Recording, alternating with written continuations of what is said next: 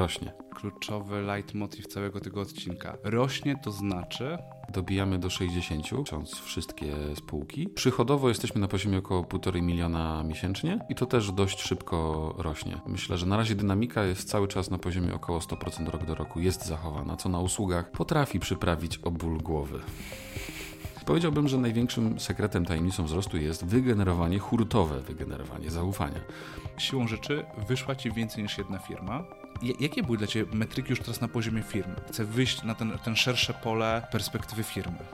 E, ja jestem fanem e, leczenia problemu z cashflow na poziomie modelu biznesowego. Tak, zaniedbałem dzieci.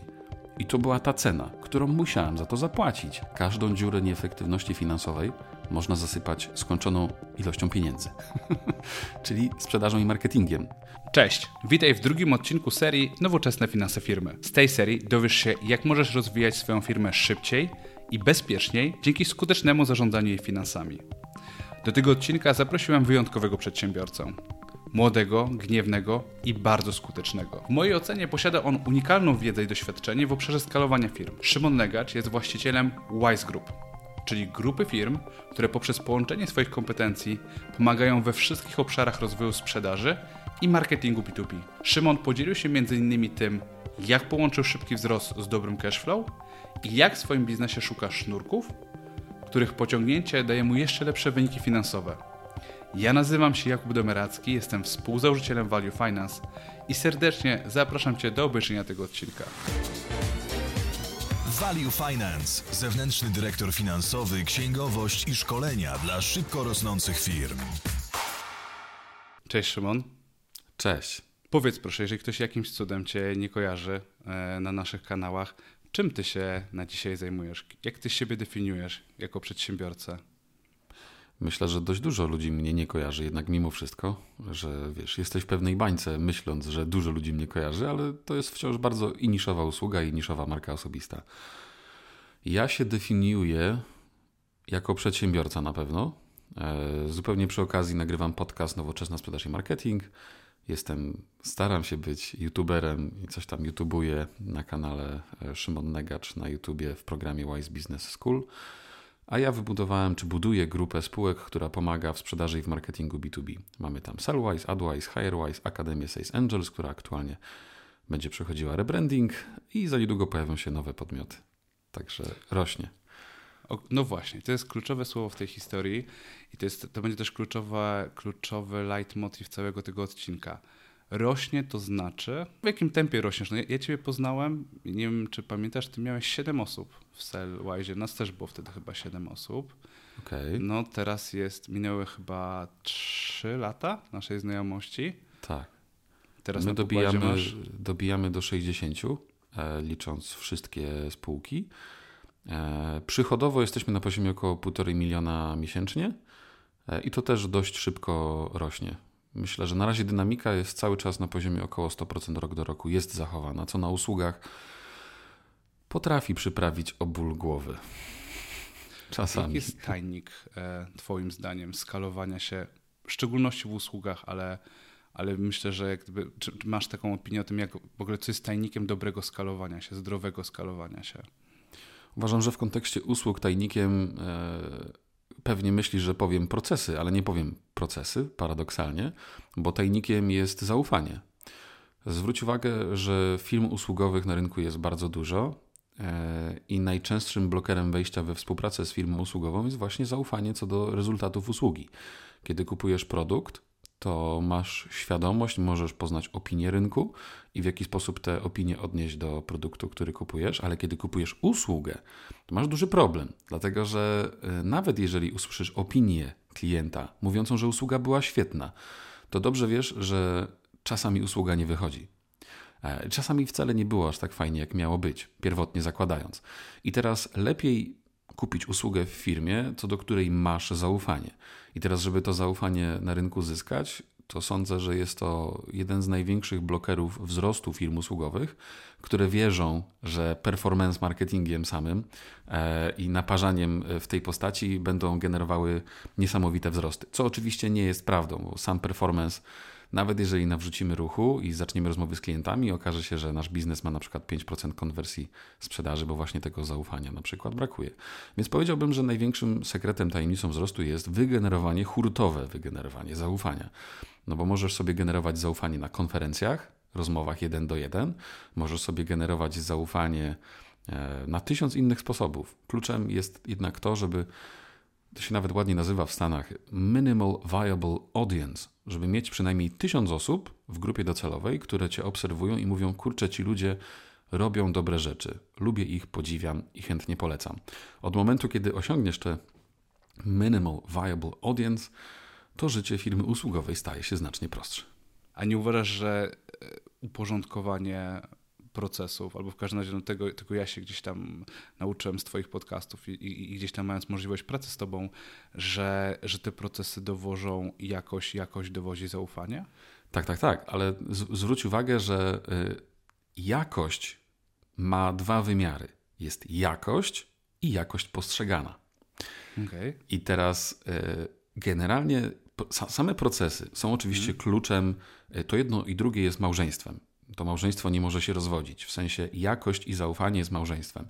I teraz, jak dojdzie do rozwodu, to jest to pewien problem, dlatego że y, zaufanie bez jakości y, zniknie, jakość bez zaufania może nie być w ogóle doceniona. No bo to, że y, ja znam tysiąc firm, które mają świetną jakość, tylko nikt o niej nie wie. Jakby żadna w tym chwała. I ludzie mówią często, że słuchaj, jakość się sama obroni. To nie jest aktualne w tych czasach i przestało być aktualne. Jakość już sama się nie broni jakość, trzeba o niej mądrze opowiadać historię. Trzeba y, przekładać swoją jakość na opowieść marketingową, która sprawi, że postrzegana jakość będzie na równym poziomie co sama jakość. I raz zwróć uwagę, że zaufanie jest znacznie trudniej wybudować, bo wielu ludzi kocha tylko produkt bądź usługę.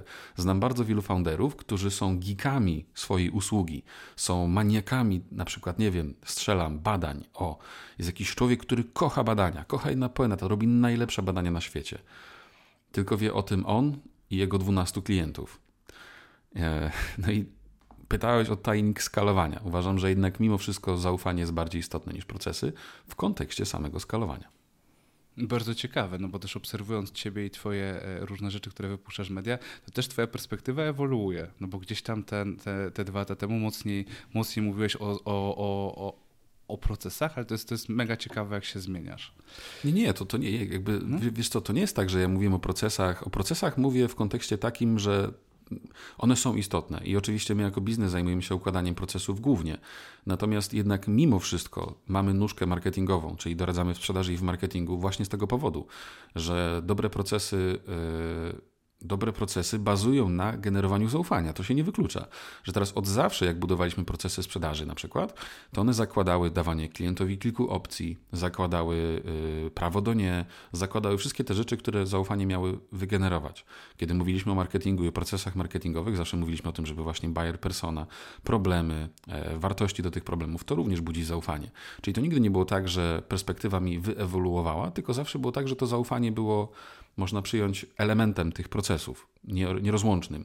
Tak jak wspomniałem, małżeństwo nierozłączne rozwieść się nie da i wielu ludzi rzeczywiście nadinterpretuje te nasze treści, buduje procesy, e, często w zły sposób. To znaczy procesy, które za zadanie mają ciemiężyć tych ludzi, którzy je wykonują i sprawić, że będą robotami, którzy zrobią trzy razy więcej, bo efektywność, efektywność i jeszcze raz efektywność, e, a z drugiej strony też wystawiamy te procesy na sztuczność z perspektywy klienta i one wcale nie budzą zaufania, tylko budzą wręcz opór. E, bardzo często. I tak samo nasze procesy na pewno u niejednego klienta wzbudziły opór. Szczególnie ostatnio miałem taką rozmowę z potencjalnym klientem, który powiedział: Panie Szymonie, ja bym chętnie został klientem pana firmy, ale ja nigdy nie zostaję klientem firmy, która nie daje mi rabatu, więc muszę odmówić i iść dalej w rynek. Wie, to cudownie, nie? bo my nie dajemy rabatów. E, po prostu. I być może inna firma będzie dla Pana w związku z tym lepsza. No i, i, to jest ok, że nasze procesy dla niektórych też mogą nie być w porządku. Jednak mimo wszystko uważam, że to idzie bardzo mocno w parze. Dobra. To cała ta seria i cała, cała, ta, mm, ca, cała ta seria nowoczesnych finansów firmy zakładamy, że będzie się kręciła wokół sensu cyfr w biznesie. I dla mnie mhm. takim, takim, takim zdaniem, które kiedyś powiedziałeś, które zrobiło na mnie duże wrażenie w, w machinie B2B, było to, że to nie jest ludzi wina, że coś się nie udaje, tylko procesów, a mhm. procesów nie oceniają ludzie, tylko liczby. Mhm. Dalej jak gdyby popierasz tą, tą perspektywę na Do rzeczy? końca życia będę popierał. Tak? O, opowiedziałbyś więcej o tej perspektywie, bo ona jest dla mnie bardzo ciekawa. Czy rozwinąłbyś to zdanie? Bo ono, jak gdyby ja gdzieś się puściłem w świat na social mediach swoich i wiem, że ono zbudowało wiele takich konfliktów, napięć, bo wydaje mi się, że nie wszyscy zrozumieli sens tego zdania do końca. Jasne. To najpierw jedno. E, to nie ludzie są winni złych wyników, tylko procesy. I teraz samo to założenie sprawia, że tak jak ja teraz z Tobą siedzę, Kuba, wyobraź sobie, że ja jestem właścicielem firmy, a Ty jesteś moim handlowcem. I ja z Tobą teraz rozmawiam mówię, Kuba, skup się. Dlaczego nie robisz wyników?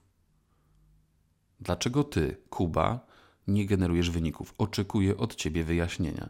I ty, jako Kuba, od momentu, kiedy tak stawiam sprawę, czyli stawiam sprawę jako konflikt pomiędzy mną, przełożonym tobą, członkiem zespołu, to ty nie przyjmujesz e, postawy, hej, rozwiążmy to wspólnie, tylko przyjmujesz postawę, muszę się przed skurczybykiem obronić.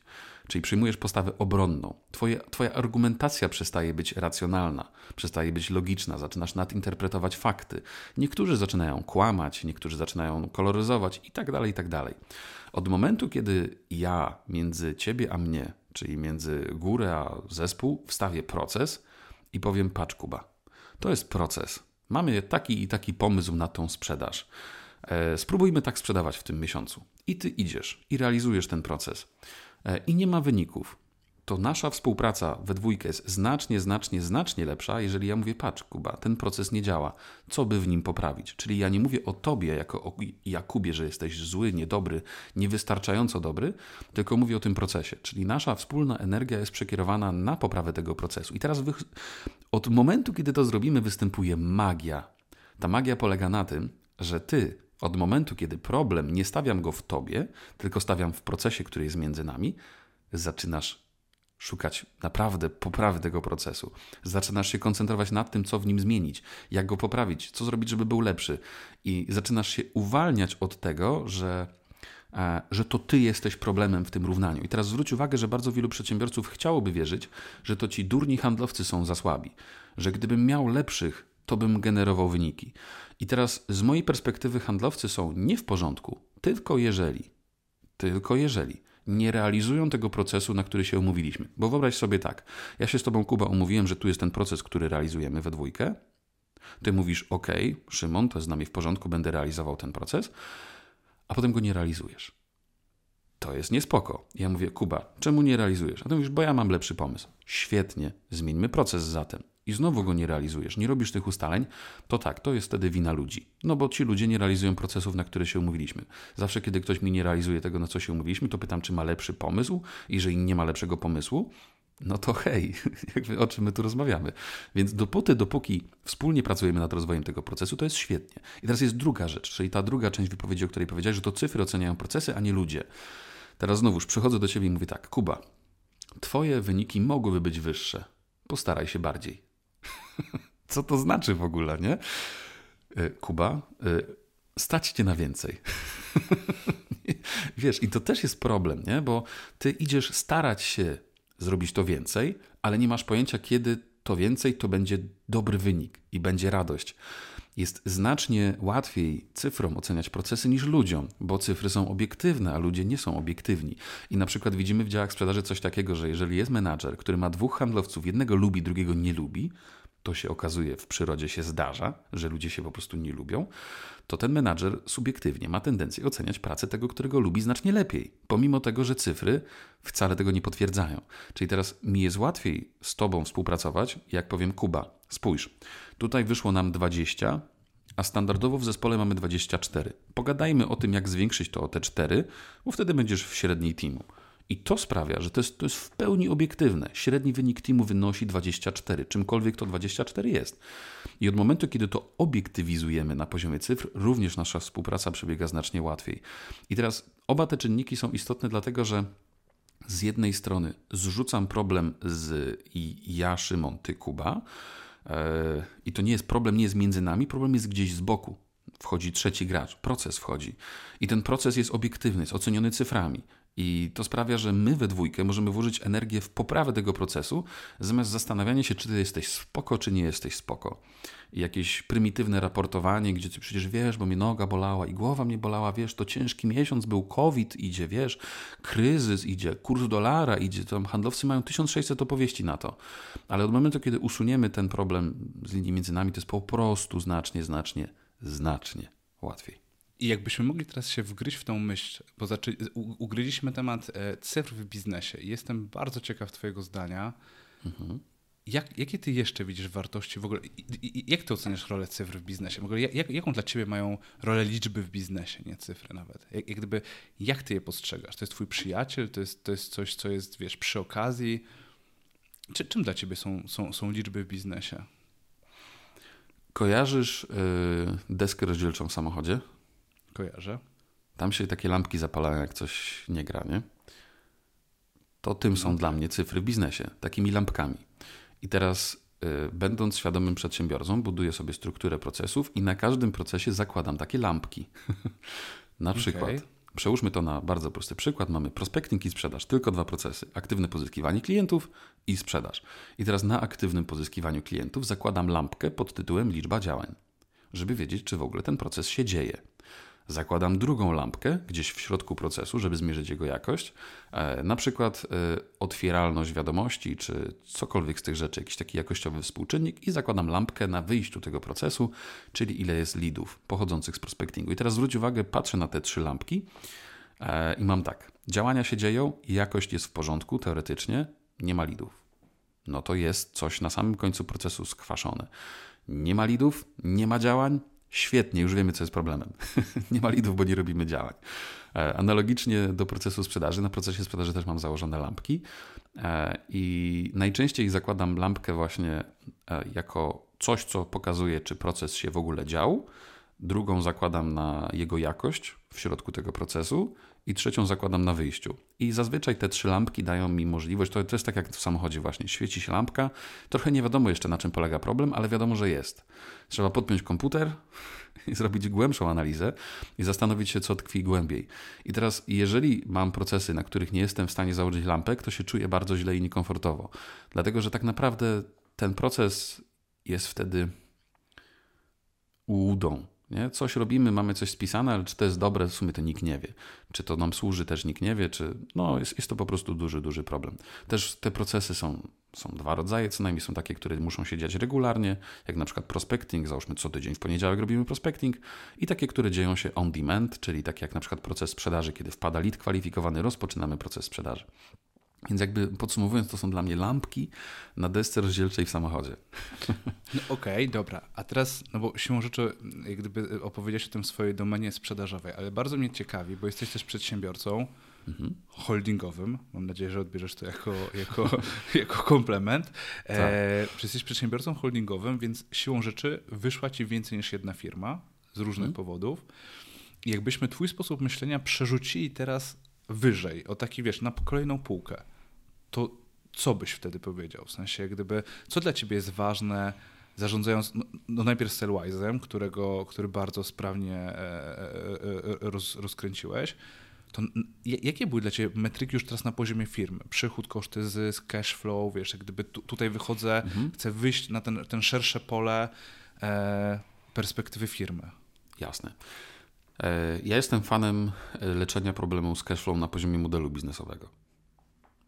To znaczy, okazuje się, że mając model biznesowy, możesz przewidzieć, jak ułożyć koszty, jak ułożyć przychód, na jakich etapach, jak uzależnić wynagrodzenia od tego przychodu, kiedy mieć płatności, założyć sobie jakieś, jakby założyć sobie współczynnik e, ściągalności tych należności, czasu, kiedy one będą spływały. Jest bardzo wiele fajnych rzeczy, które można zrobić na poziomie modelu biznesowego.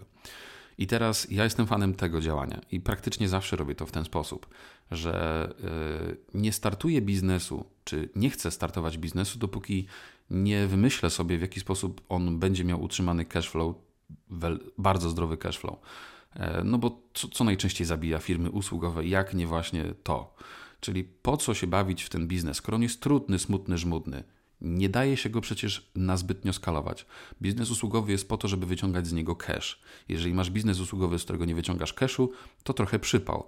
Dlatego, że ani z dużą dozą prawdopodobieństwa nie spieniężysz tego biznesu tak dobrze jak jakiegokolwiek innego, nieusługowego biznesu, więc dobry biznes usługowy powinien generować cash i wielu ludzi się nauczyło tego zbyt późno.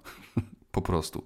I teraz w momencie, kiedy mam załóżmy założony taki model biznesowy, jak chociażby Sellwise, który jest biznesem usługowym, ale abonamentowym, e, co de facto zmienia reguły gry, w pełni zmienia reguły gry. Ja wolę nie mieć klienta żadnego, e, może inaczej, wolę nie mieć klienta tak, niż wolę mieć mały abonament niż mieć dużego jednorazowego klienta. Naprawdę, na poziomie modelu biznesowego już do tego dojrzałem. Dla, dlaczego? Właśnie po, po, możemy w to, w to wejść głębiej? W Oczywiście, sensie, że skąd, tak. skąd taka refleksja? No bo, no bo zwróć uwagę, mam ludzi w teamie i teraz ci ludzie y, polegają na mnie, że ja wiem, co robię jako przedsiębiorca. I teraz wyobraź sobie, że wpuszczam jednorazowego dużego klienta, który wchodzi, ale ma duże problemy z płatnościami, ma duże problemy, on ma problemy z cashflow e, i jakby nagle okazuje się, że 5-8% naszego przychodu to jest jedna wielka firma, ja tam wydelegowałem trzech ludzi i ta wielka firma nagle mi znika, albo nie płaci, albo cokolwiek. Po co sobie wywoływać takie problemy, skoro one są mi absolutnie do niczego niepotrzebne? Nie mam żadnej korzyści z tego, że moich trzech świetnych ludzi wypuszczę na jednorazowy projekt do takiego klienta. Wolę wypuścić ich na normalne, abonamentowe umowy, bo i ja jako przedsiębiorca czuję się bezpiecznie, i mój zespół czuje się bezpiecznie, ale paradoksalnie sam klient również czuje się bezpiecznie, bo to nie będzie jednorazowe dotknięcie jego biznesu, które w naszej opinii po prostu najzwyczajniej w świecie nie działa. Sam doskonale wiesz, jak długo trwa transformacja procesów marketingowo-sprzedażowych. I my to bardzo często mówimy klientom, że klient mówi, to wie pan co, my tutaj tak raz tylko tam spróbujemy i zobaczymy, co będzie. Jakby niewiele z tego będzie, najprawdopodobniej. I teraz, e, jeżeli mam to spięte na poziomie modelu biznesowego, to jestem w stanie wyciągnąć sobie metrykę, która e, jest takim driverem wzrostu. Wynikową metrykę będącą driverem wzrostu. W kontekście abonamentu to jest Monthly Recurring Revenue, MRR.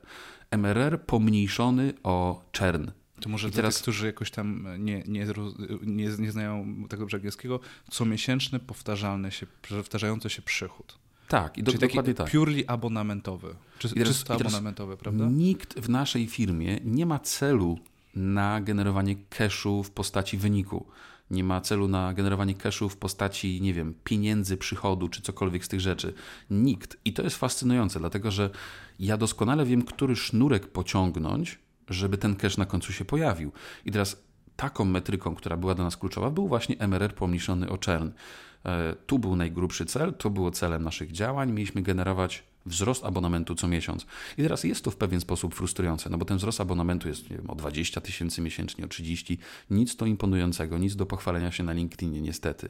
Ale w kontekście, w którym połączysz taki wzrost przez 3 lata dochodzących 20, 30, 40 tysięcy MRR-u miesięcznie, to nagle się okazuje, że masz potężny biznes.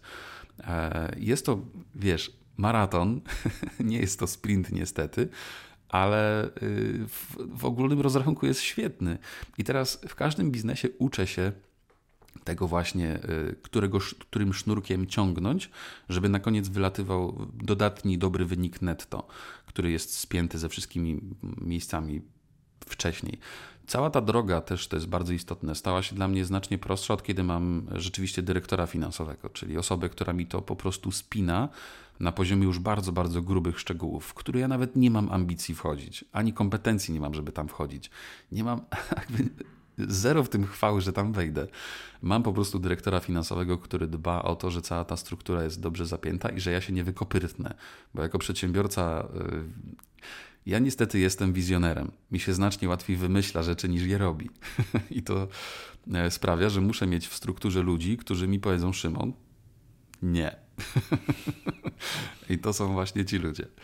Słuchaj, to może pozdrowimy Oliwię, bo. bo Pozdrawiamy, jakby, tak. Pozdrawiamy tak. Oliwię e, w sensie. No to dobra, okej, okay, no to Oliwia jest mega ciekawą postacią, z którą, z którą też się znamy, znamy dłuższą chwilę. Co zmieniło w Twoim życiu, Oliwia? Co zmieniło to, że się pojawił profesjonalna, profesjon, nie chciałem powiedzieć gość, ale nie mogę, profesjonalna osoba od cyfr, profesjonalna kobieta od cyfr tutaj. Co, co, co to przestawiło w Twojej głowie, w Twoim, w twoim i tak już dobrym rozumieniu biznesu? Bo widzę, że jesteś bardzo zadowolony z tego ruchu, że, że masz profesjonalnego partnera finansowego w swoich strukturach. Znaczy, zmieniło bardzo dużo, bo ja nie znałem się na finansach kompletnie. I okay. w momencie, kiedy miałem De facto miałem dwie osoby, które robiły mi e, finanse. To było około rok temu. E, rok temu robiliśmy około 700-800 tysięcy przychodu miesięcznie. I dziewczyny do mnie przyszły, że musimy koniecznie zatrudnić trzecią, bo one już nie dają rady. I tu mi coś nie grało, że jeżeli ja mam biznes, który robi 10 milionów rocznie i potrzebuję mieć trzy osoby w dziale księgowości i jeszcze zewnętrzną księgowość, to coś zrobiłem źle.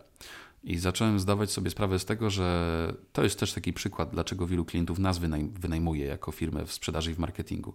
Ja się nie znałem na tych finansach, okazuje się, że wszystko zrobiłem źle. I przyszła Oliwia. I opowiem Ci, tamten punkt startowy jest taki, że nasz dział sprzedaży czyta umowy, czy one są spoko, ja tam je próbuję też czytać i tam podpisuję je nawet czasami. E, robię przelewy ręcznie z palca i w ogóle dwie dziewczyny do mnie mówią, że koniecznie musimy pilnie zatrudnić trzecią, bo już nie dają rady. Teraz się przenosimy rok później, jaki jest Landscape dzisiaj. Landscape dzisiaj jest taki, że biznes jest dwa razy większy e, i liczbowo, i osobowo. E, w księgowości jest pół osoby, Okay. E, zamiast trzech e, jest zatrudniona e, księgowa na etat, która jakby opiekuje cały holding, można przyjąć. I co się dzieje? Okazuje się, że windykacja ma zrobiony proces, który jest współautomatyzowany do pewnego momentu. Okazuje się, że przelewy też są zautomatyzowane i nikt ich nie wpisuje do banku. Są po prostu księgowane faktury, raz w tygodniu trafia to do banku. Okazuje się, że wiem, ile cashu będę miał na koncie w marcu przyszłego roku, e, bo mam to policzone, bo dyrektorka finansowa potrafi mi to powiedzieć, co sprawia, że wiem, w jaki sposób inwestować na przykład. E, okazuje się, że jak mamy nadwyżki finansowe, to ktokolwiek w ogóle zastanawia się, jak je zainwestować. Słuchaj, też niesamowite. Okazuje się, że jeżeli mam umowy, których nie rozumiem i negocjuję z ogromnymi spółkami, bo podpisaliśmy naszą pierwszą umowę doradczą na ponad milion złotych, i to były duże negocjacje, i ja nie widziałem żadnego ich fragmentu. Dostałem gotową, wynegocjowaną umowę do podpisania, co w praktyce oznacza dla mnie, że pewnie zaoszczędziłem z 15-20 godzin życia w danym miesiącu, co jest, przeliczając to na pieniądze, jest bardzo wysoką kwotą, tak po prostu. E, okazuje się, że odzyskaliśmy bardzo dużo należności, które gdzieś tam leżały u klientów. E, okazuje się, że e, nasze umowy miały różne dziury, które zostały przez, przez nią namierzone. To znaczy, posiadanie kogoś w holdingu, czy w grupie, czy w firmie, kto na cały etat kocha cyfry i się nad nimi zna, jest deal breakerem dla mnie. To bardzo, bardzo cudowna przygoda jest. Fajnie. Pomimo tego, że ja miałem bardzo dużą barierę w głowie z zatrudnieniem Oliwii, dlatego że to był pierwszy etat, tak drogi etat, no bo to są po prostu ogromne pieniądze, który miał nie generować bezpośredniego przychodu. W sensie to nie był ktoś, kto będzie pracował dla klientów, to był ktoś, kto będzie tylko kosztem. I to była dla mnie duża przeprawa myślowa. Ja wtedy rozmawiałem z kilkoma przedsiębiorcami bardziej doświadczonymi ode mnie, czy na moim etapie zatrudnienia dyrektora finansowego to jest dobry pomysł. E, I usłyszałem, że nie, że absolutnie za malutki jestem. Natomiast zrobiłem to mimo tego, czułem, że to jest dobry pomysł. No i to, to była piękna przygoda. W sensie dalej jest jeżeli nie obrażasz się, pozwolę sobie na małą kryptoreklamę, że jest opcja zewnętrznego dyrektora finansowego, który działa na godziny, który jest rozwiązaniem przed, tego, przed tym etapem, ale, ale nie o w tym wywiadzie. E, Potwierdzam. Wiesz co, chciałbym, chciałbym wrócić, bo tutaj mam, mam zanotowane dwie, dwie rzeczy, które na pewno myślę, że, że mogły wielu osobom zagrać w głowie, a, a nie być oczywiste. Jak mhm. się uczysz tych sznurków do pociągania? Jak je sobie w ogóle nazywasz? Bo powiedziałeś takie zdanie, ma, wiem za który sznurek posiągnąć, żeby wygenerować więcej kasy w biznesie, żeby wygenerować więcej zyskowności. Mhm. Jak to sobie nazywałeś, w sensie zaczynając, zaczynając biznes? Bo tak naprawdę dla mnie w tej serii najbardziej jest kluczowe, żeby jest dużo ludzi, którzy są mądrzy, kiedy są duzi. Nie? Jak mhm. gdyby jest łatwo być mądrym, jak masz 20-bańkową zyskowną firmę nie jest łatwo być mądrym, jak masz 3-milionowy, 4-milionowy biznes, który dopiero się rozkręca. I właśnie ja chciałbym wracać ze swoimi gośćmi do tego momentu, kiedy oni właśnie uczyli się tych pierwszych pociągnięć, wiesz, jak gdyby te pierwsze, łapali takie pierwsze sznureczki, które pozwalały im pójść dalej. Nie? I to jest moim zdaniem chyba najważniejsze w takiej skalowanej edukacji, żeby pokazywać te wczesne etapy, bo później okay. faktycznie stać się na to, że przyszła Oliwia, super wykształcona osoba z, z, edukacją wyższą, kierunkową, z doświadczeniem dużego gracza, przyszła z fajnymi frameworkami, gdyby, no, masa, masa świetnych rzeczy się się wydarzają.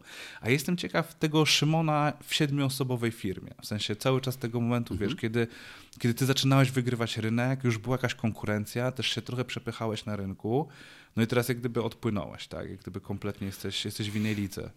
To jest ciekawe pytanie, e, bo nasz model nie zmienił się od dnia, kiedy byłem freelancerem. Okay. To już wtedy był MRR, to już wtedy był ten sposób współpracy, to już wtedy były te abonamenty, to już wtedy był ten model biznesowy. On do dzisiaj, czyli od biznesu jednoosobowego do tych powiedzmy średnio 20 baniek rocznie, e, jeżeli utrzymamy nasz przychód miesięczny oczywiście, został niezmieniony. Ale to wynikało tylko z tego, że mnie przerażała wizja posiadania firmy usługowej szkoleniowej. Ja bardzo chciałem zacząć biznes, ale jak ja sobie rozrysowywałem biznes szkoleniowy, to mi wychodziło w Excelu, że to jest absolutne szaleństwo, dlatego że jedyną metodą wzrostu biznesu szkoleniowego jest sprzedawać więcej. I to jest szaleństwo, dlatego że nigdy się nie uwolnisz wtedy jako biznes od tego stresu e, polegającego na tym, że musisz nas sprzedawać, żeby przeżyć co miesiąc. I teraz sam ten fakt y, paraliżował mnie absolutnie. Ja miałem przecież etat, zarabiałem całkiem nieźle, miałem dwójkę dzieci, więc nie mogłem sobie też pozwolić Dalej na masz. to. dzięki, dzięki stary. Trafna obserwacja. Dalej mam dwójkę dzieci. Eee, I dalej masz żonę, to też jest dużym sukcesem w kontekście byciu startupowcem. Tą samą. tak, też tak. Eee, I i ja nie byłem gotowy rezygnować z etatu dla takiego modelu biznesowego, w którym będę się dławić. E, tylko, że ja o nim myślałem w kontekście mojego własnego freelansowania. To było dla mnie, a nie dla firmy. Ja wtedy nie planowałem skalować biznesu. To też jest ważny element historii. Czyli ja chciałem mieć coś takiego, że pierwszego dnia miesiąca wystawiam faktury abonamentowe i ja już jestem rentowny i już mam spokój i już jest ok. Mam dwa miesiące wypowiedzenia z każdym klientem. W związku z tym, nawet jeżeli do tego wypowiedzenia dojdzie, to ja przez te dwa miesiące zdążę wypełnić to miejsce. To jest pięknym założeniem modelu biznesowego. Takim samym rdzeniu przecież, gdyby się nad tym zastanowić. Miałem bardzo dużo pomysłów na to, jak to zrobić, żeby ci klienci nie odchodzili, czyli żeby ten czern był znacznie mniejszy od napływu nowych klientów. I, I tam nie było większej rozkminy. Zauważ, że bardzo wiele biznesów, które pięknie się wyskalowały, wyskalowały się dlatego, że całą nieefektywność związaną z finansami, i teraz zwróć uwagę, ona u mnie też wystąpiła, do 10 milionów rocznie była ta efektywność przeogromna. Każdą dziurę nieefektywności finansowej można zasypać skończoną ilością pieniędzy, czyli sprzedażą i marketingiem. Nie? Że jeżeli e, bardzo często jest tak, że te biznesy usługowe zaczynają od szlifowania usługi e, i potem przechodzą do szlifowania marketingu i sprzedaży, co jest absolutnym szaleństwem. To musi iść równolegle równolegle szlifujesz usługę i mam kilka firm usługowych, wiem co to znaczy szlifować usługę. Wiem, że to naprawdę nie trwa miesiąca, to nawet nie trwa półrocza. Jakby szlifujesz, ty też pewnie wiesz doskonale, że szlifujesz usługę rok, dwa, trzy, po czterech, pięciu latach masz świetnie sprocesowaną usługę. Rynek jeszcze tak cię odjeżdża, że po trzech latach to tak szlifowanie tak sprzed trzech lat już jest tak. w ogóle, wiesz, ten schodek w ogóle nie jest w tym miejscu, w którym powinien być, no, bo jest COVID, y, tak. kryzys, wojna na Ukrainie, to się zmienia. I teraz zwróć uwagę, że bardzo, bardzo wiele biznesów yy, właściciel idzie w delivery. Mówi, o Boże, ja muszę to wszystko teraz dowieść, bo od pierwszego dnia on jest tak naprawdę człowiekiem w delivery i nie ma nikogo od marketingu i sprzedaży. I teraz yy, jakby magią tam, tamtego momentu nie, nie, jest żadna magia. Magią jest to, że pracowałem 250-300 godzin w miesiącu. Kropka, koniec magii.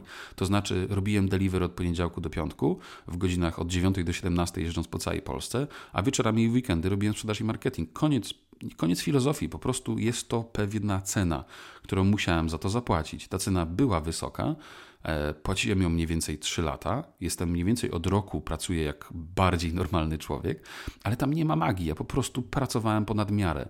Też prawda była taka, że w układzie, w którym ja wtedy byłem, e, nie miałem wyjścia, ten biznes musiał się udać. Byłem po czwartym etacie, który mnie męczył nie umiałem się na tym etacie odnaleźć. I to, dla mnie to była walka o życie, moje życie wtedy.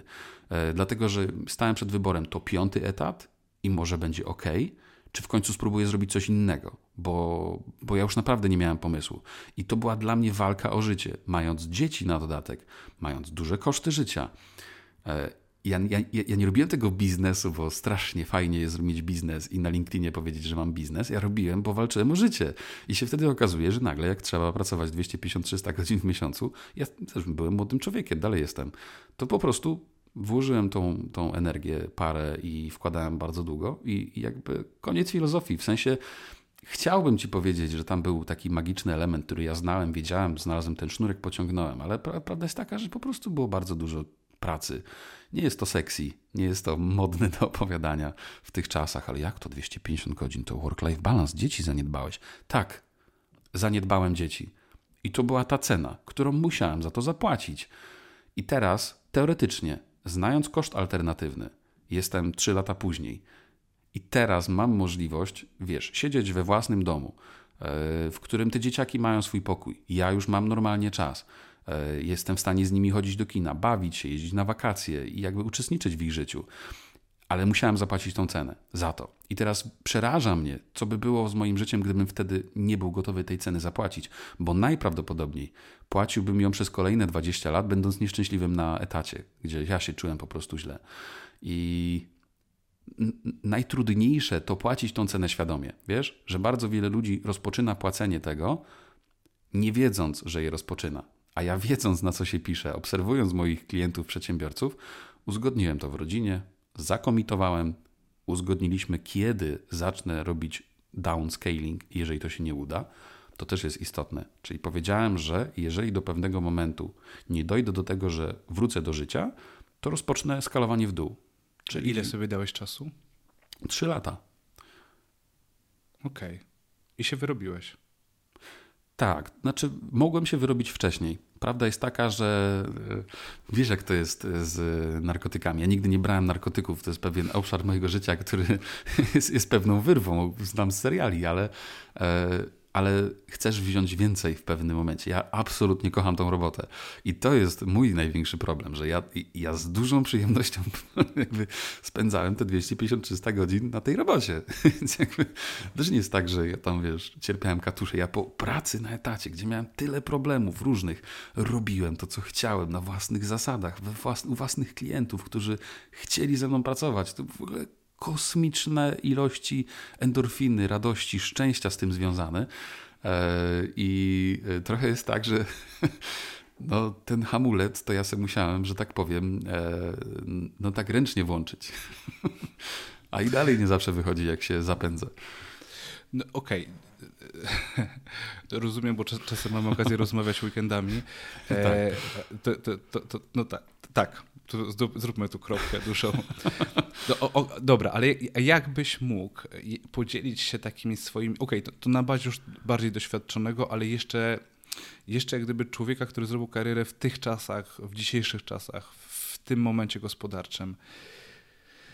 Jakie masz takie, nie wiem, dwa, trzy protipy na poziomie modelu biznesowego, które przychodzą ci pierwsze do głowy, zrób to, żeby cashflow był zdrowy? To jest... Recurring revenue powracający przychód. Okay. Kropka. I teraz dla przykładu, największy problem miałem z tym w HireWise, dlatego że to agencja rekrutacyjna jest.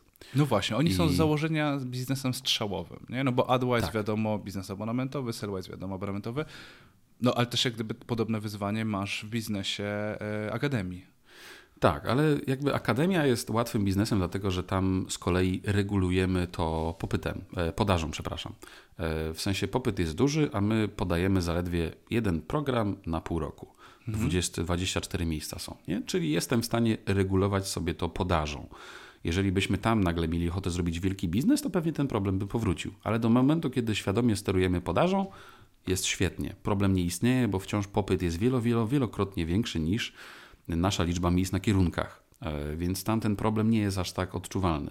Zresztą Akademia jest e, takim biznesem, którego ani ja, ani Marcin nie robimy dla pieniędzy, dla cashu, dla sprzedaży tej spółki. Robimy to, bo to fajny projekt jest. E, bo eksperci z wielu firm zapominają o konkurencyjności i prowadzą najlepsze w Polsce programy rozwojowe dla handlowców i dla dyrektorów sprzedaży. I nie boję się tego powiedzieć. NPS pierwszej edycji wynosi 100. to jest dobry wynik. Jakby, I nie wstydzę się go. No raczej tak. Zwłaszcza, że to nie byli studenci, nie? Zwłaszcza, że to byli ludzie po ogromnych, e, nie będę wymieniał nas, ogromnych uczelniach polskich, ogromnych e, nazwiskach i mimo wszystko 100. I to jest duma. I świetnie, tamten problem dla mnie nie istnieje. Ale HireWise, no. biznes, który sprzedaje rekrutację. Ja miałem moment, w którym chciałem go zamknąć. To znaczy, założyliśmy biznes, który zawiera wszystko to, czego nie znoszę. Czyli e, jednorazowo trzeba nas sprzedawać co miesiąc, co miesiąc, co miesiąc, żeby on był zdrowy.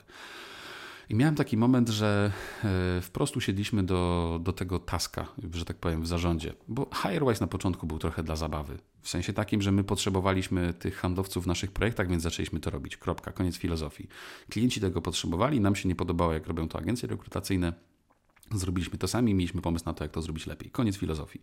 A potem ten HireWise zaczął się skalować. I na przykład dzisiaj HireWise z października zrobił większy przychód niż dwa lata temu cała grupa, kiedy w ogóle go wymyśliliśmy. Więc jakby jest ok.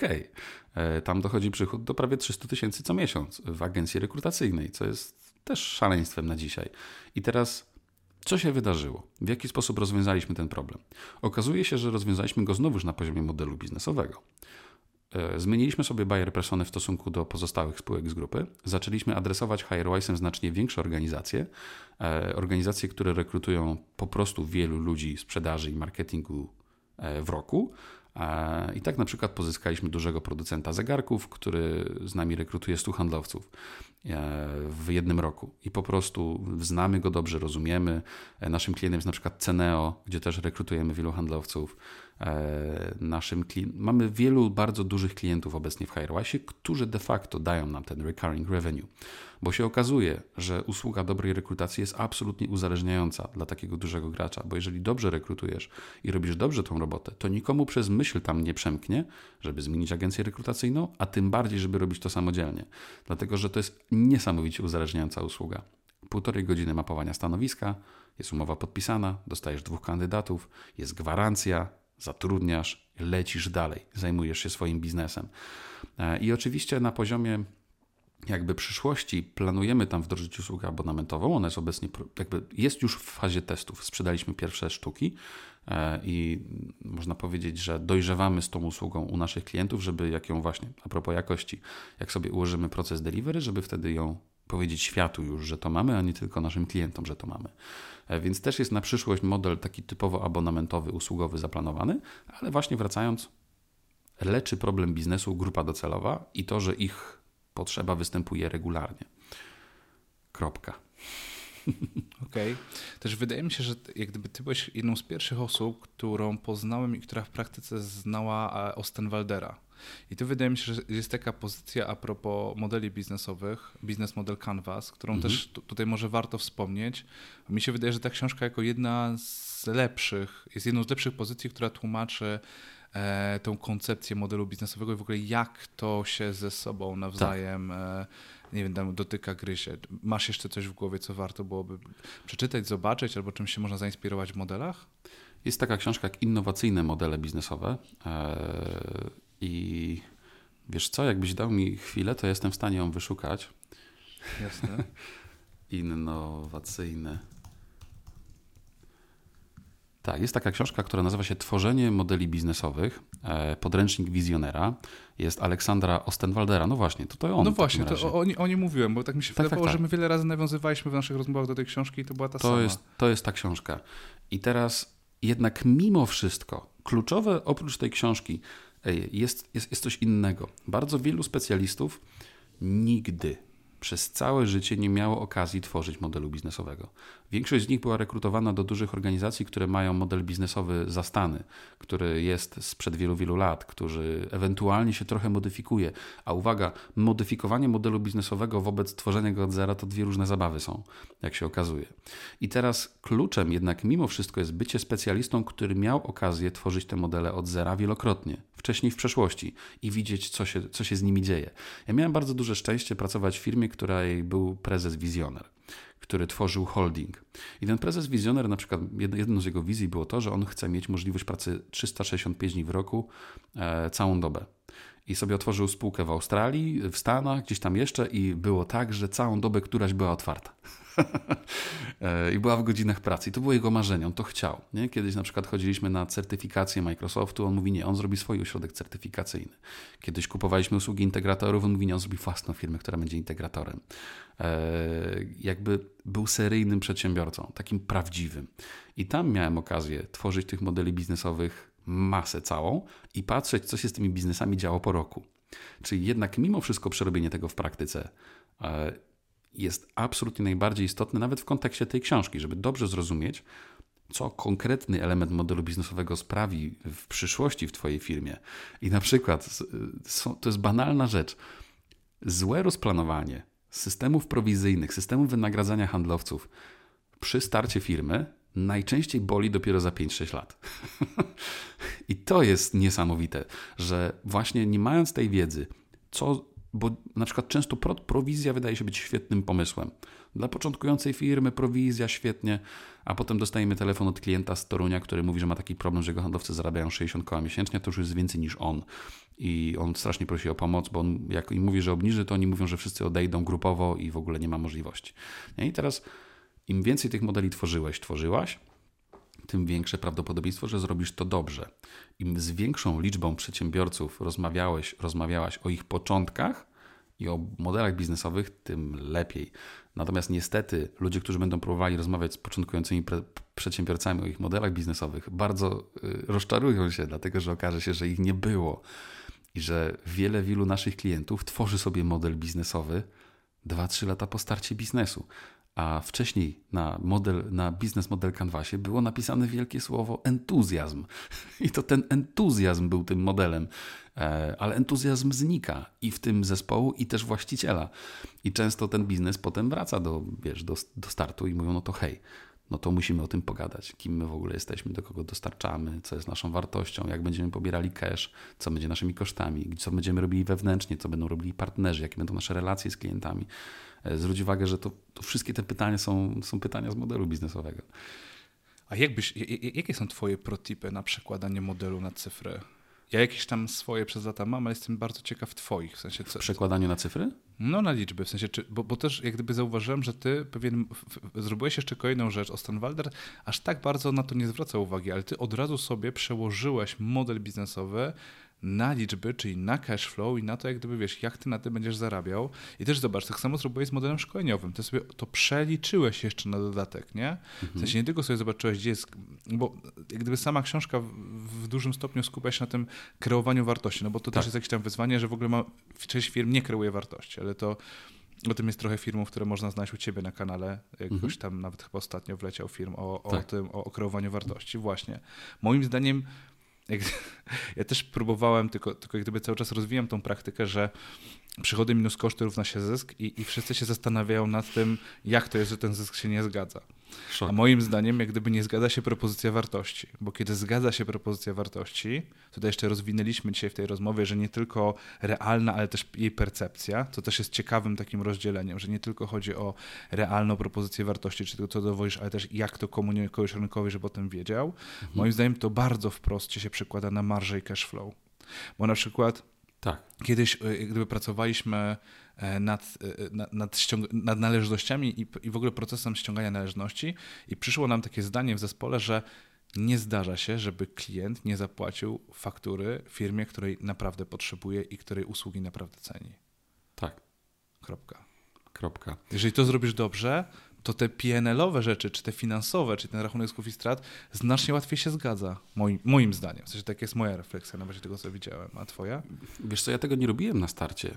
Okay. Bo zwróć uwagę, że ja nie byłem kosztem. Generowałem przychód, e, moje koszty były relatywnie niewielkie, więc ja zawsze bazowałem na dodatnim cash flow. Więc ja nigdy za bardzo nie miałem potrzeby policzenia tego. E, natomiast na, na przykład na samym początku też znowuż model biznesowy. E, dla mnie konsultanci nie byli kosztem, czyli pierwsi pracownicy mojego biznesu nie byli kosztem stałym. Wszyscy byli tylko i wyłącznie na success fee, to znaczy mieli procent z zrealizowanego już przychodu. I to jest też tajemnica znowuż w modelu biznesowym. Kiedy ja powiedziałem o tym e, doświadczonym ludziom z branży, to oni powiedzieli, że absolutnie, szanowny Szymonie, to se, se, se ten pomysł, bo to się nie uda, nikt się nie zgodzi. No okazuje się, że wszyscy się zgodzili. E, dlatego, że marka mocna, dlatego, że dużo lidów, dlatego, że e, klienci na abonamentach, więc i tak wszyscy się czuli turbo bezpiecznie.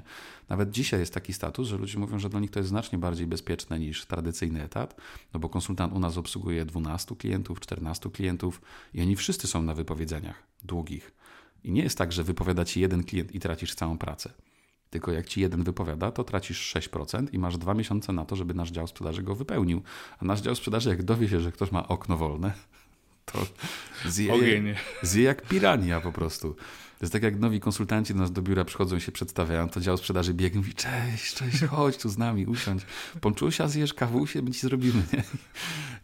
I jest, taka, jest taka kultura. I teraz zwróć uwagę znowu, że to jest znowuż ta kwestia zaufania po obu stronach. Zarówno po stronach zespołu, który potencjalnie ma z Tobą pracować na jakichś tam zasadach, jak i po stronie rynku znowuż. Czyli wracamy do, do, do początku naszej rozmowy, e, że ja, jakkolwiek bym Ci chciał powiedzieć, że byłem wielkim matematykiem i sobie to wszystko policzyłem wtedy, to nie.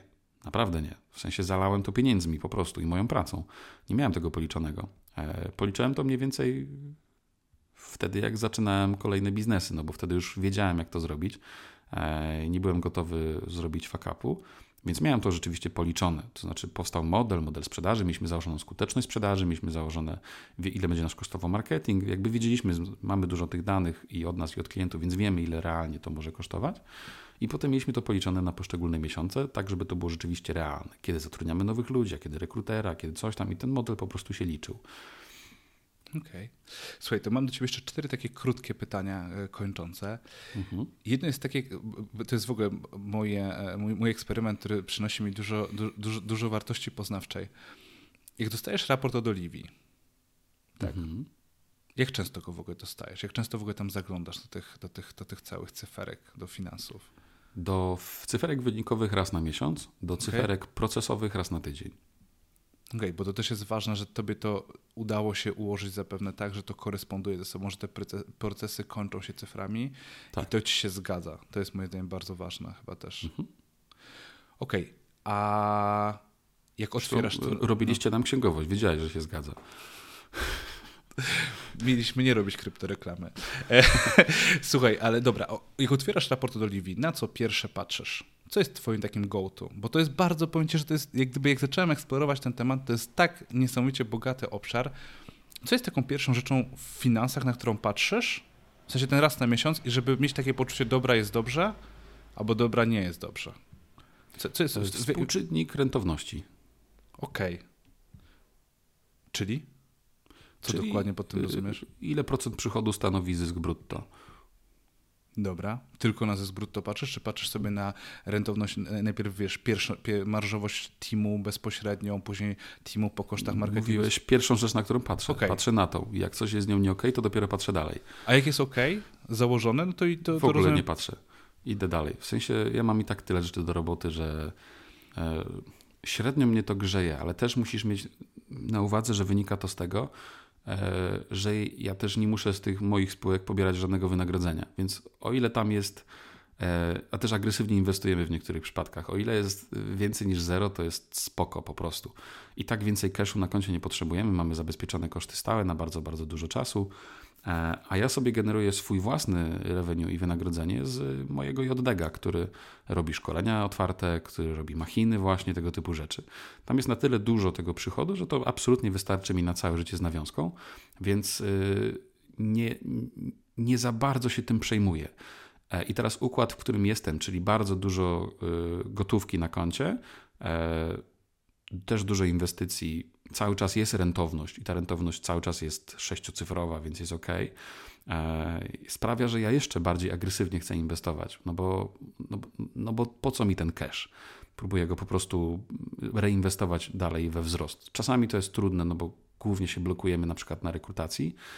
E, nasz, e, nasz proces rekrutacji jest bardzo szczelny i po prostu nie nadążamy sami za sobą, a też też jest coś takiego, że większość firm usługowych padła znowuż, mając ochotę na zbyt duży ten wzrost, więc jest ok.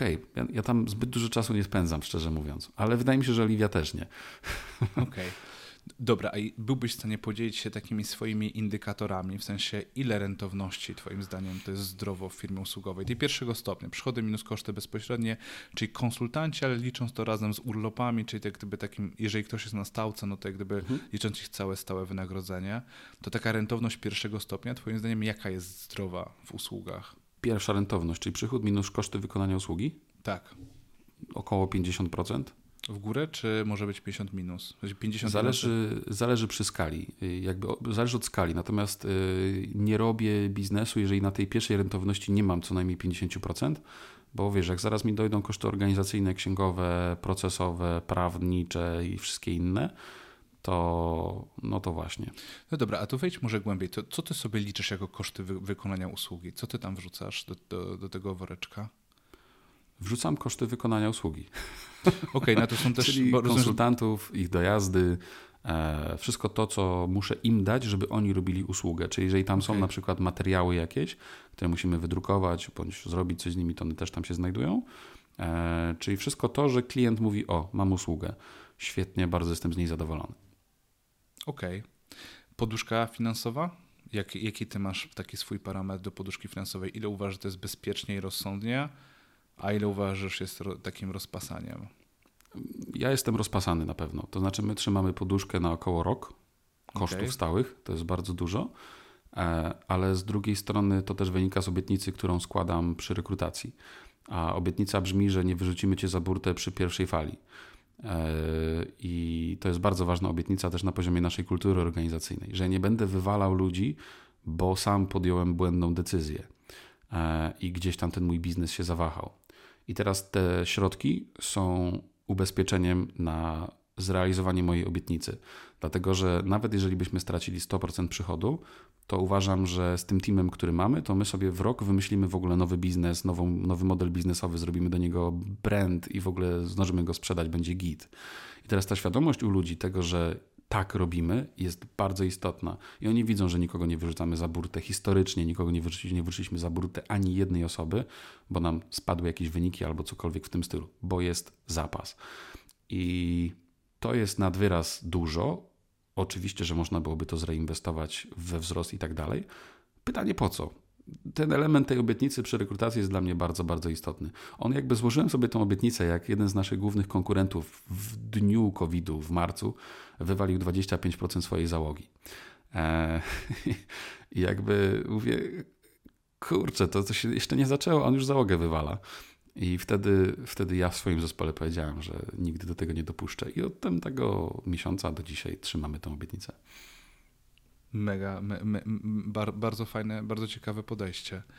Powiedz mi, no jak gdyby wydaje mi się, że tutaj jest ważne, żeby zaznaczyć taki disclaimer, nie wyrzucacie za, za burtę, ale z drugiej strony wiem, że ty mega nie tolerujesz nieefektywności. To też jest taka rzecz, którą, którą gdzieś tam nie, nie, poznałem. Nie, nieuczciwości nie, mega nie toleruję. Nieefektywność jest spoko, bo to jeszcze wyleczymy, ale nieuczciwość okay. niestety już nie.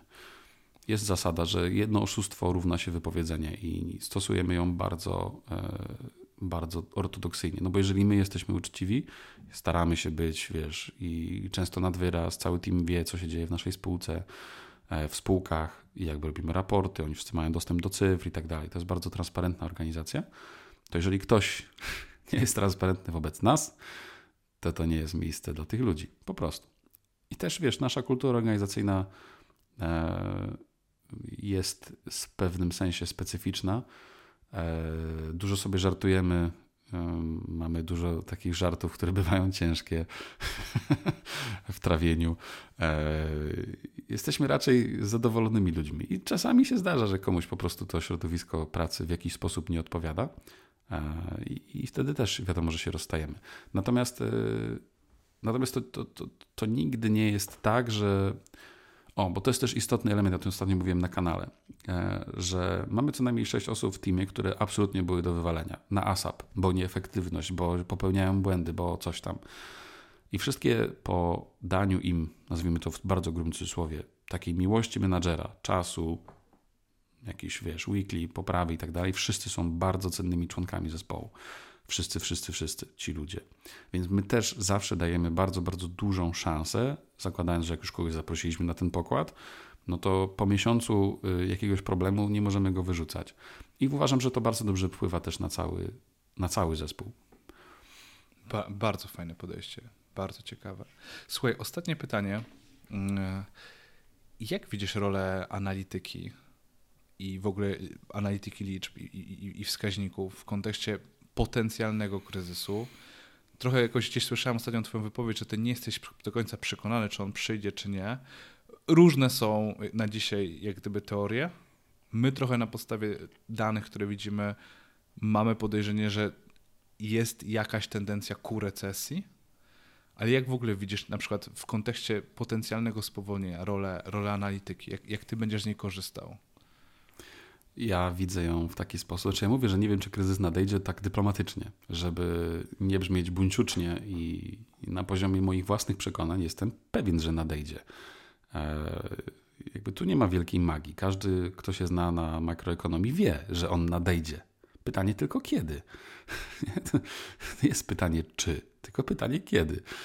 I e, rola jest taka, że zakładając, że mamy dwóch konkurentów, firmę A i firmę B, i firma B jest pokrojona na procesy i pomierzona i ma liczby, a firma A działa na spontaniczności prezesa i jego takiej magii wewnętrznej, entuzjazmie i w ogóle, to nie trzeba długo zgadywać, która przetrwa kryzys.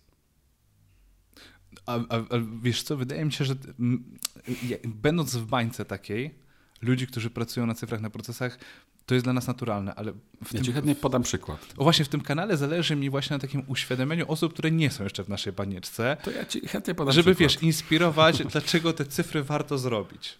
Dla przykładu, e, my w procesie sprzedaży mieliśmy dwa źródła e, biznesu. Mieliśmy prospecting i marketing. E, mieliśmy koszty pozyskania leada w prospectingu i w marketingu również. I teraz mieliśmy też dalsze metryki, czyli skuteczność na przykład sprzedaży. I bardzo lubię opowiadać tą historię, że skuteczność sprzedaży w kanale prospectingowym wynosiła 15%, a w kanale marketingowym 42%. To jednak jest prawie trzy razy więcej.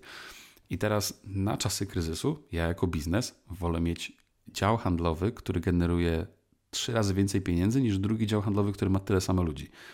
Kto przetrwa kryzys? Kto będzie bardziej efektywny kosztowo? Kto podejmie mądrzejsze decyzje, bazując na, na poziomie danych? No, dlatego my tak mocno inwestujemy w marketing, bo to ma dla nas bardzo duże biznesowe uzasadnienie. E, I bardzo niewielkim zespołem sprzedaży jesteśmy w stanie generować bardzo duże rezultaty będąc świadomym tego, jak to ułożyć. Niestety w bardzo, bardzo wielu firmach cały proces sprzedaży polega na tym, że zatrudnijmy jakiegoś tam wymiatacza i dajmy mu wymiatać. I on będzie wymiatał. E, a potem jak nie wymiata, to go wyrzucają za burtę i szukają kolejnego, który może będzie wymiatał. O, nie wymiata. I też go wyrzucają za burtę. No, Powiem Ci, jeszcze szczególnie powiem Ci też, to jest ciekawostka, jak docierają do nas korporacje, duże organizacje. Chciałoby się wierzyć, że one są sprocesowane, że tam, wiesz, decyzje są podejmowane racjonalnie, ale okazuje się, że najbardziej nieefektywne kosztowo są właśnie te duże organizacje, gdzie na przykład y, na fali złej decyzji prezesa dział sprzedaży ma 320 osób zamiast mniej więcej 120, który byłby potrzebny, żeby generować te same rezultaty. I y, to jest duża nieefektywność. I na kryzys warto, żebyś o niej wiedział e, i żebyś miał to pomierzone. I tu jest problem jest taki, Kuba, że żeby dobrze pomierzyć sprzedaż i marketing, potrzebujesz mieć kogoś, kto się bardzo dobrze zna na analityce sprzedaży i marketingu. Hmm, to już jest problem sam sobie. Potem musisz mieć dyrektora finansowego no, albo was, kto dobrze policzy tą część finansową, rentownościową. Rentowność linii produktowych. Wszystkich, nie? Produktów, Wszystkich wiesz. I tam się zawsze okazuje, zespołów. że klienci linie są totalnie nierentowni, nie? I nikt o tym nie wiedział. E, o, ale jak to? To myślałem, że to jest świetny klient. No nie jest. E, I pewnie tak samo w kontekście logistyki i produkcji znowuż potrzebujesz mieć ludzi, którzy się znają na analityce, e, żeby też to dobrze pomierzyć. I bardzo łatwo jest na przykład nam poznać prawdziwych specjalistów, konsultantów od takich, którzy się naczytali książek i naglądali filmów na YouTubie, bo wszyscy ci, którzy są naprawdę doświadczeni, e, mówią o tych wdrożeniach zupełnie inaczej. Zazwyczaj proponują wolniejsze tempo, zazwyczaj skupiają się właśnie na analityce i wyciąganiu wniosków, a ci, którzy są początkujący, po prostu mówią, to zrobimy takie systemy i w ogóle taki CRM zrobimy i tam będzie taki proces i taka automatyzacja będzie i taką stronę zrobimy i taką reklamę i będzie i webinary zrobimy i świetnie będzie. No. Powiem Ci, że dokładnie ta sama sytuacja jest w finansach, bo e, tak. my też ten temat eksplorujemy. Mieliśmy podobne wyzwania, jak i Ty, związane z tym, że, że, że, że nie mamy siły włosów, nie jesteśmy po 50, ale też zaczęliśmy podchodzić do tego tak, że, że, że wszystkie książki, jak weźmiesz, one mówią ci tam wskaźnikach, policz sobie ROE, a my tak mhm. mówimy, a może policz sobie rentowność, też na R, ale co innego. Tak po prostu, tak na wprost. I, i wiesz, i, i teraz dopiero zyskujemy z czasem po tych prawie 150 klientach taki komfort, że właśnie w MŚP potrzebujesz tych bazowych rzeczy, czyli najpierw zrozumieć, tak. gdzie jest twoja rentowność, później zrozumieć, gdzie jest twój cash flow i dopiero z tych dwóch rzeczy coś tam zacząć budżetować, no bo gdyby też ludzie nas przychodzą mówią, nie mamy budżetowania, nie wiem jak do tego podejść. No my bierzemy ich obecnie raportu, my to rozumiemy, czemu nie wiecie, jak do tego podejść. W sensie to, to naprawdę wynika samo z siebie. Ale to jest też ciekawe, że, że ty pracując, z, to jest ciekawe, bo zacząłeś z MŚP, a teraz twoja wiedza w ogóle przenosi się na duże korpo. Jak gdyby... W sensie one w pewnym sensie same zaczęły do nas trafiać w pewnym momencie. No, no tak, jakoś tak z pół roku temu zacząłeś to komunikować, prawda? Rok mniej więcej? Rok temu zaczęły trafiać, pół roku temu zacząłem komunikować i rzeczywiście mamy tych dużych klientów i dużym odkryciem jest to, że te problemy, które ich trawią, są bardzo podobne. E, czasami trzeba wdrożenie przeprowadzić nieco inaczej. E, natomiast e, zaskoczony byłem bardzo tym, jak wiele podobieństw jest pomiędzy tymi firmami. W dużych organizacjach jest często bardzo rozmyta odpowiedzialność, bardzo ciężko jest wdrażać nowe procesy i to jest jakby główny utrudniacz tego typu działań, ale okazuje się, że bardzo duże organizacje zaczęły do nas trafiać z ramienia właścicieli tych organizacji bądź prezesów w Polsce. Czyli wciąż mamy tą możliwość wpływania na całą organizację, bo mamy błogosławieństwo e, prezesa tej firmy po prostu i on pomaga nam wdrażać te procesy i robić zmiany w organizacji. Ba bardzo, bardzo fajne. Wydaje mi się, że to jest też trochę tak, że na, na tych małych firmach one muszą być bardziej zwinne i szybsze i łatwiej też wychwycić. One są też bardziej wrażliwe na zmiany. Są takim delikatniejszym tworem i dużo tak. łatwiej się testuje na nich rzeczy i widzi efekty, bo to też jest właśnie super, wydaje mi się, w, w obu naszych firmach, że, że my, jak gdyby u nas ten konsultant, jak dotyka jakiejś materii, to on widzi zmianę po miesiącu, w sensie po prostu po dwóch, tak. po trzech. A jak siedzisz w korpo, to po trzech latach może być, wiesz, Drgnęło. W korpo to też jest możliwe, dlatego że wtedy bierzemy lokalne procesy i robimy na nich jakieś MVP, staramy się zrobić coś na, lokalnie, co, że tak powiem, będzie takim trochę potwierdzeniem dla góry, że to działanie jest sensowne. Nie rzucamy się na wielkie zmiany właśnie, bo to one mordują projekty doradcze i zmiany w tych organizacjach. Że komuś nie starczyło cierpliwości albo kasy, albo został zwolniony, zmienił się zarząd, wiesz i paradoksalnie sekret pracy z tymi dużymi organizacjami też jest w tym, żeby pomóc im zidentyfikować drobniejsze obszary, które wymagają poprawy, ale są takimi sznurkami wpływającymi na wynik. Dlatego, że jeżeli wykażesz takiej większej organizacji, że Twoje działania skończyły się milionem nowej marży, czy tam nowej rentowności, jak oświadczył nam jeden z naszych dużych klientów, że miesięcznie osiągają milion więcej zysku e, z tych działań, który został namierzony i to jest świetna informacja, dlatego że a propos tego zaufania, to od tego momentu to zaufanie jest znacznie większe do nas, jako do biznesu doradczego, jeżeli on przyniósł realne pieniądze naszemu klientowi. Szymon, mega Ci dziękuję za tą dzisiejszą rozmowę. Wyszło ja również. chwilę ponad godzinę. Wydaje mi się, że tych tematów nigdzie nie poruszałeś e, wcześniej. Nie wiem. Tro, tro, trochę, nie. Rzeczy, trochę rzeczy się pojawiały u Ciebie na kanale. Ja Ci, ja ci bardzo dziękuję. Chociaż może jeszcze Wiesz co, może jeszcze jedno ostatnie to pytanie, jeżeli masz przestrzeń. Masz jeszcze chwilę przestrzeni? Oczywiście. No dobra. To, to Szymon, ost, ostatnia rzecz, która w Polsce jest już bardzo wrażliwym tematem, super tabu, e, moim zdaniem. Temat wynagradzania siebie jako przedsiębiorcy.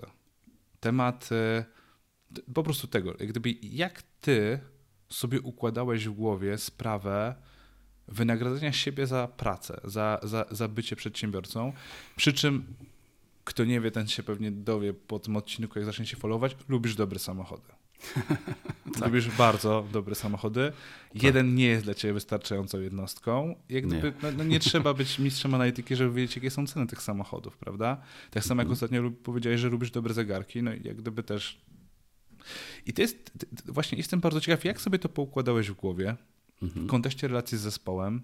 Ostatnio jechaliśmy, jechałem z, właśnie z bardzo fajnym przedsiębiorcą e, w górę i tak e, on szukał nowego samochodu i tak właśnie rozmawialiśmy. Mówi, no wiesz co, myślę o X5 albo, albo o Volvo, ale, ale to Volvo jest znacznie mniej inflacyjne. Ja mówię, w jaki sposób? What? Wiesz, bo jak podjeżdżasz nową X5, to od razu wszyscy w firmie chcą podwyżki. A jak podjeżdżasz Volvo, to tak mówią, eee, no jakoś mu idzie, ale bez przesady. Jestem, wiesz, to jest taki temat, który w gronie founderów jest, jest taki też po co się nie rozmawia o pieniądzach. To jest jakieś tam wyzwanie, z którym my jakoś też próbujemy pracować i, i wydaje mi się, że przed software house'ach to co jest fajne, te wynagrodzenia są dosyć jasne. Mhm. W firmach w przemyśle, z tego co wiem, w ogóle nie. W sensie i jak masz to w głowie poukładane? Jak ty o tym myślisz? A jak ty to robisz w praktyce też?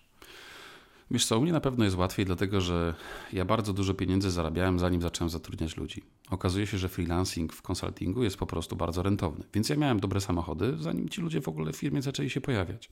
Więc jest to w pewnym sensie w jakimś stopniu naturalne dla nich. Z drugiej strony, ja bardzo głośno mówię o tym, że nie pobieram z tych spółek wynagrodzenia. Z trzeciej strony, nasi ludzie dostają bardzo często podwyżki. Z czwartej strony, zarabiają znacznie więcej niż średnia rynkowa. I teraz, w sytuacji, w której ci ludzie mają dobrze, i moim zdaniem mają, ja mam nawet takiego deala z zespołem, że jeżeli ktokolwiek z Was uważa, że jest niewynagradzany sprawiedliwie do swojej pracy, to to jest temat, który w ogóle powinien trafić bezpośrednio do mnie. Bez żadnych menadżerów, bez pośredników. Chcę o tym wiedzieć. I mówię o tym wprost. W historii zdarzyło się chyba raz, że ktoś poprosił nas o podwyżkę i go nie wyprzedziliśmy naszą podwyżką. Prawie zawsze wyprzedzamy podwyżki, o które proszą ludzie. I teraz w sytuacji, w której jestem biznesem, który tak podchodzi do sprawy i nie, zauważ, nie pobieram, nie kupuję sobie samochodów z rentowności moich spółek, nie spowalniam ich wzrostu, bo, bo tak jest. Trochę gram w życie na kodach, dlatego że de facto samochody, mój styl życia nie fundują moje spółki, firmy, tylko moja marka osobista. Bo okazuje się, że jeżeli mój JDEK jest w stanie zrobić 2, 3, 4 miliony w roku, to to jest naprawdę dostatecznie dużo pieniędzy, żeby sobie pozwolić na różnego rodzaju szaleństwa. Natomiast nie jest to sytuacja, którą można przyłożyć do typowego foundera w typowym startupie bądź w typowej firmie. E, moja sytuacja jest po prostu bardzo nietypowa. I teraz w sytuacji, w której inflację mamy na takim poziomie, jakim mamy, e, to ja naprawdę wolę, żeby ten cash leżał w luksusowym zegarku, czy żeby leżał w samochodzie, bo to wciąż lepiej niż żeby leżał na lokacie, czy na koncie, czy w jakiejś obligacji nawet. E, mam oczywiście jakąś część portfela dość istotną ulokowaną w bardzo ryzykownych instrumentach, które mogą dać bardzo duże stopy zwrotu. Niemniej nie jest, nigdy nie wiadomo. To wciąż wolę, żeby to leżało w czymś. A jeżeli to leży w czymś, co daje mi radość, tym lepiej. To tym lepiej leży. I teraz właśnie, i tym lepiej leży, i tym, tym, tym, tym bardziej jest to sensowne. Ale też to trochę jest tak, że zarówno zegarkami, jak i samochodami trzeba umieć się bawić. Trzeba wiedzieć, gdzie je kupić, trzeba wiedzieć i jak je kupić, trzeba wiedzieć, w jakiej formie prawnej kupić, jak je sprzedać potem, trzeba wiedzieć, gdzie je sprzedać. To jest, to jest jak ze wszystkim. Im większą masz wiedzę w danym obszarze, ja w samochodach siedzę od 18 roku życia e, i naprawdę wiem, co kupować, kiedy, jak, e, jak to sprzedawać. Po prostu potrafię to robić. To skorzystam z tego. Jakby mogę Ci powiedzieć, że na tych wszystkich sportowych samochodach, które dotychczas miałem, jeszcze na żadnym nie straciłem. W sensie każdy z nich dotychczas sprzedałem drożej niż go kupiłem. E, więc to nie jest fanaberia w tym rozumieniu. E, I oczywiście to dobra passa może się skończyć, ja to mam wliczone w ryzyko. E, niemniej wciąż się to udaje robić. Czyli jest tak, że jeżeli kupuję sobie zbytki, to prawie zawsze one mają jakiś tam aspekt inwestycyjno-finansowy tego typu, bo ja tak trochę, szczerze mówiąc, nie potrzebuję tych rzeczy. ja, lubię te samochody, ale one nie są, nie definiują mnie w żaden sposób. Ja jestem w stanie sobie wyobrazić jeżdżenie oktawią od jutra rana, jeżeli miałbym potrzebę. E, I też to jest w ogóle filozofia życiowa moja, że e, ja wciąż żyję tak, tak sobie reguluję swoim życiem, że byłbym się w stanie utrzymać z rodziną za 5-7 koła na rękę co miesiąc od przyszłego miesiąca. Zdążyłby w miesiąc sprzedać wszystkie auta, wiem komu, gdzie i jak. Zdążył, I to są jedyne moje koszty. Nie mam więcej kosztów. Oprócz jedzenia i, i nie wiem czego. I wakacji. Jakichś tam prostych wydatków. I żyję rzeczywiście w taki sposób, ubieram się normalnie, e, nie mam żadnego takiego stylu życia, który byłby e, drogi w utrzymaniu czy coś. Wszystkie te rzeczy, które są drogie, w chwilę mogę je spieniężyć, odsunąć, oddać bądź zrezygnować z nich. Takie mam podejście. Szymon, mega Ci dziękuję. Dziękuję Ci za to, że, że taką ilością mięsa się tutaj po, podzieliłeś. Wydaje mi się, że wyszedł na mięsisty odcinek. Z mojej perspektywy. To, to wy, wy, musicie ocenić, drodzy oglądający i słuchacze. Więc, drogi, drogi słuchaczu, jeżeli doszedłeś do tego punktu, to bardzo Ci dziękuję. Tu i słuchaczu, słuchaczka. Jakbyś mógł dać nam lajka, e, zasubować i wysłać do kogoś, komu to się podoba, to na pewno jest mega motywujące, żeby robić dalej te treści. Też w komentarzach bardzo będziemy wdzięczni za, za podpowiedzi, o czym więcej, jak rozmawiać, jakie tematy Was ciekawią. To czekaj, to jeszcze ja kryptoreklama. Proszę uprzejmie.